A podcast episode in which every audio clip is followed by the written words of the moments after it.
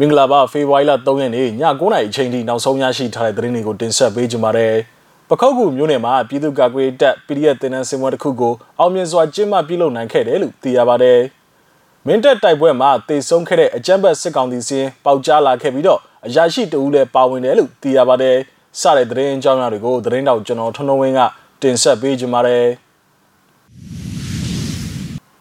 ပ ထမအဆုံးလေးနဲ့တင်ဆက်ပေးခြင်းတဲ့တင်ကတော့မကွေးတိုင်းဒေသကြီးပခုတ်ကူမြို့နယ်မှာပြည်သူ့ကာကွယ်တပ်ရဲ့တင်နန်းစင်းအခမ်းအနားဗီဒီယိုဖိုင်တစ်ခုကိုဒီကနေ့ဖေဖော်ဝါရီလ3ရက်နေ့မှာသတင်းထုတ်ပြန်ကြေညာလိုက်ပါတယ်ပြည်သူလူထုနဲ့အတူကျွန်တော်တို့အမြဲတမ်းရှိနေပါမယ်ဝိုင်းဝန်းကူညီပေးကြဖို့မျှော်လင့်ပါတယ်လို့လည်းပခုတ်ကူ PDF ကဆိုပါတယ်ရုပ်သံမှတ်တမ်းဗီဒီယိုဖိုင်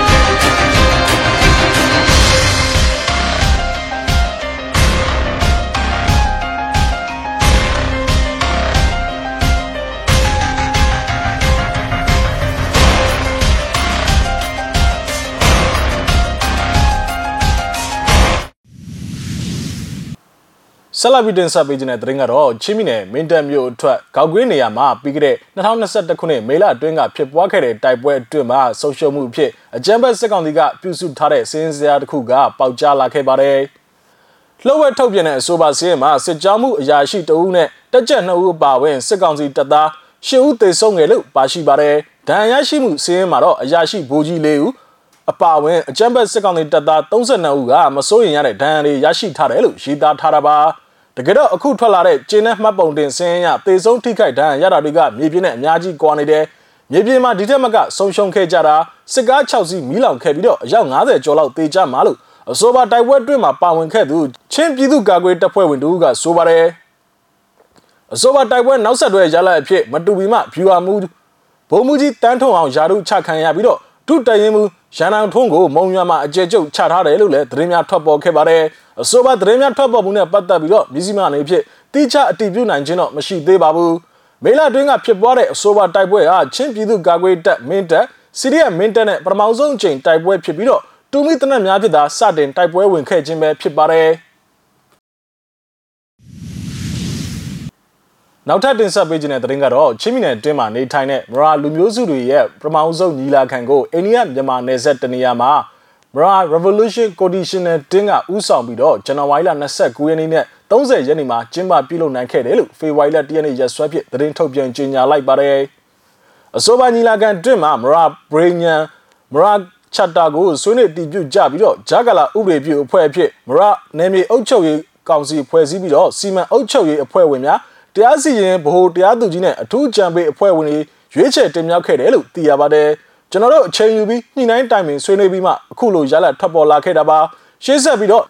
နယ်မြေတိဆောက်ရေးကာကွယ်လုံခြုံရေးအတွက်စ조사လှုပ်ဆောင်သွားကြမှာဖြစ်ပါတယ်လို့အမည်မဖော်လို့သူညီလာခံကိုယ်စားလှယ်တဦးကဆိုပါတယ်ဆီယနာရှင်အမြင့်ပြည့်ချိန်မုံရေးအတွက်ချင်းတော်လိုင်းအင်အားစုများအပါအဝင်အခြားတော်လိုင်းအင်အားစုများနဲ့လည်းပူးပေါင်းဆောင်ရွက်ရန်ချင်းလန်တဖတ်ဖို့မာရာနဲ့မာရာအာမီတပ်ဖွဲ့နှစ်ခုတို့ကိုလည်း မရာလန်ကာကွယ်တပ်ဖွဲ့မရာလန်တဖတ်ဖို့ MDF ဖြစ်ပေါင်းစည်းဖွဲ့စည်းနိုင်ခဲ့ကဂျာကာလာမရာနယ်မြေအုပ်ချုပ်ရေးကောင်စီအုပ်ချုပ်မှုနယ်မြေတွင်မှမရာလန်ကာကွယ်တပ်ဖွဲ့မှအပအခြားလက်နက်ကိုင်အဖွဲ့ဖွဲ့စည်းခွင့်ပြုမှာမဟုတ်ကြောင်းကိုလည်းဆိုပါတယ်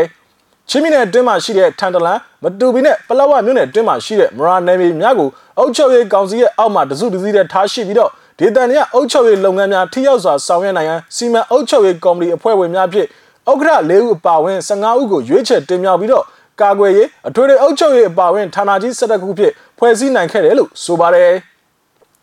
မရာလူမျိုးစုများနေဖြင့်ပြည်ထောင်စုလွှတ်တော်ကိုစားပြုကော်မတီ CRPH ထုတ်ပြန်ကြေညာချက်အမှတ်19မြင်းဆောင်2021ပါ Federal Democracy Brain ညစိတ်ပိုင်းတင်းတဲ့နှစ်တို့ကိုအတိမတ်ပြုတဲ့အပြင်အကြမ်းဖက်ဆီယနာရှင်ရဲ့ပြည်သူလူထုအပေါ်မှာလူသားမဆန်သွားနှိပ်စက်ညှဉ်းပန်းမှုများချုပ်ငြိမ်းရင်းနဲ့ Federal Democracy ရရှိရေးအတွက်ရှေ့လုပ်ငန်းစဉ်များကိုလည်းချမှတ်ကြောင်းကိုဖော်ပြထားပါတယ်။ညီလာခံကိုမြန်မာပြည်တွင်းမှာရှိတဲ့မရာကျေးရွာ44ရွာမှလူထုကိုယ်စားလှယ်များမရာလန်ခုခံတော်လှန်ရေးတပ်ဖွဲ့များမှခေါင်းဆောင်များစီရီယန်ဝန်ထမ်းများအရက်ဖက်အဖွဲ့အစည်းများចောင်းသားလူငယ်အဖွဲ့အစည်းများနိုင်ငံတကာရောက်မရာကိုယ်စားလှယ်များအထုပ်ပိတ်ကြားထားသူများနဲ့လေးလာသူများအပါအဝင်285ဦးတက်ရောက်ခဲ့တယ်လို့သိရပါတယ်။အမျိုးသားညီညွတ်ရေးဆိုရအပြည်ပြည်ဆိုင်ရာပူးပေါင်းဆောင်ရွက်ရေးဝန်ကြီးဒေါက်တာဆာဆာချင်းမျိုးသားတပ်မတော် ပြောရေးဆိုခွင့်ရှိသူစလိုင်းထန်နီနဲ့အကြမ်းဖက်စစ်ကောင်စီအကြံပေးအင်ဒရူးမှန်ကျုံးလန်တို့ကလူသိများတဲ့မရာလူမျိုးစုဝင်တွေပဲဖြစ်ကြပါတယ်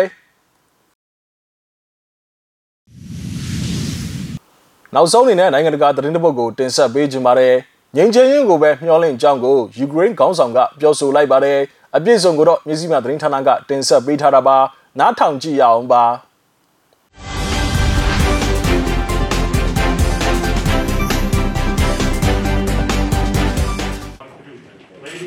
ယူကရိန်းသမ္မတဘောလိုဒီမာဇီလန်စကီးကကီယက်အနေနဲ့ငြိမ်းချမ်းရေးကိုပဲလိုလားကြောင်းဖေဖော်ဝါရီလ2ရက်ဗုဒ္ဓနေ့ကပြောကြားလိုက်ပါတယ်။ဒါပေမဲ့ရုရှားရဲ့ကျူးကျော်လာနိုင်တဲ့အလားအလာပေါ်စိုးရိမ်မှုတွေကြားမှာမိမိနိုင်ငံအနေနဲ့မိမိကိုယ်ကိုကာကွယ်ပိုင်ခွင့်အပြည့်အဝရှိတယ်လို့၎င်းကဆိုပါတယ်။ယူကရိန်းနယ်စပ်ကိုတပ်ဖွဲ့ဝင်တသိန်းကျော်ဖြန့်ကျက်ထားတဲ့ကရမလင်ဟာ၎င်းရဲ့အင်းကြီးချင်းစီကိုအနောက်နိုင်ငံတွေက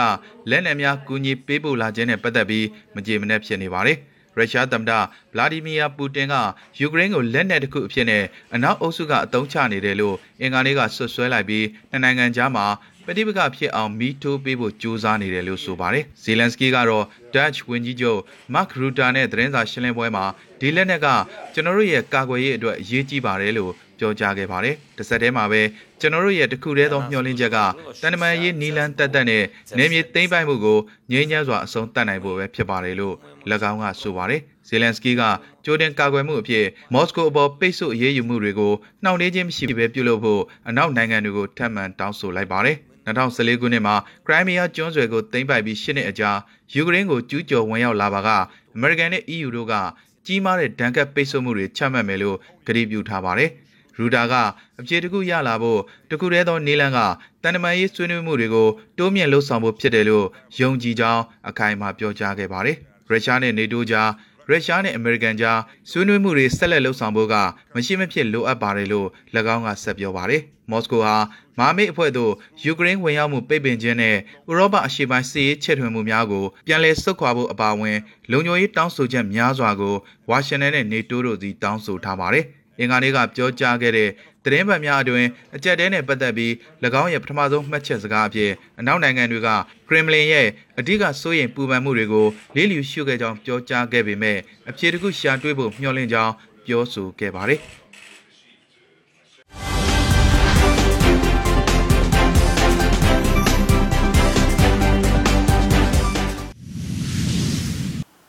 ဟုတ်ကဲ့ပါဖေဖော်ဝါရီလ3ရက်နေ့ည9:00နာရီအချိန်ထိနောက်ဆုံးရရှိထားတဲ့သတင်းတွေကိုကျွန်တော်တို့မျိုးစိမှာဝိုင်းတော်သားများကနေပြီးတော့တင်ဆက်ပေးခဲ့တယ်ပါမြန်မာပြည်နယ်မှာနေထိုင်တဲ့မိဘပြည်သူတွေအကုန်လုံးဘေးရန်နဲ့ကင်းရှင်းကြပါစေလို့ဆုမကောင်းတောင်းရန်ပါတယ်လက်ရှိဖြစ်ပွားနေတဲ့ COVID-19 ကပ်ရောဂါနဲ့ပတ်သက်ပြီးအထူးကူးစိုက်ကြဖို့ကိုကျွန်တော်တို့မျိုးစိမှာဝိုင်းတော်သားများကတိုက်တွန်းလို့ဆိုချင်ပါတယ်နောက်ထပ်ရရှိလာမယ့်သတင်းတွေအတူတူကျွန်တော်တို့ပြန်လာခဲ့ပါမယ်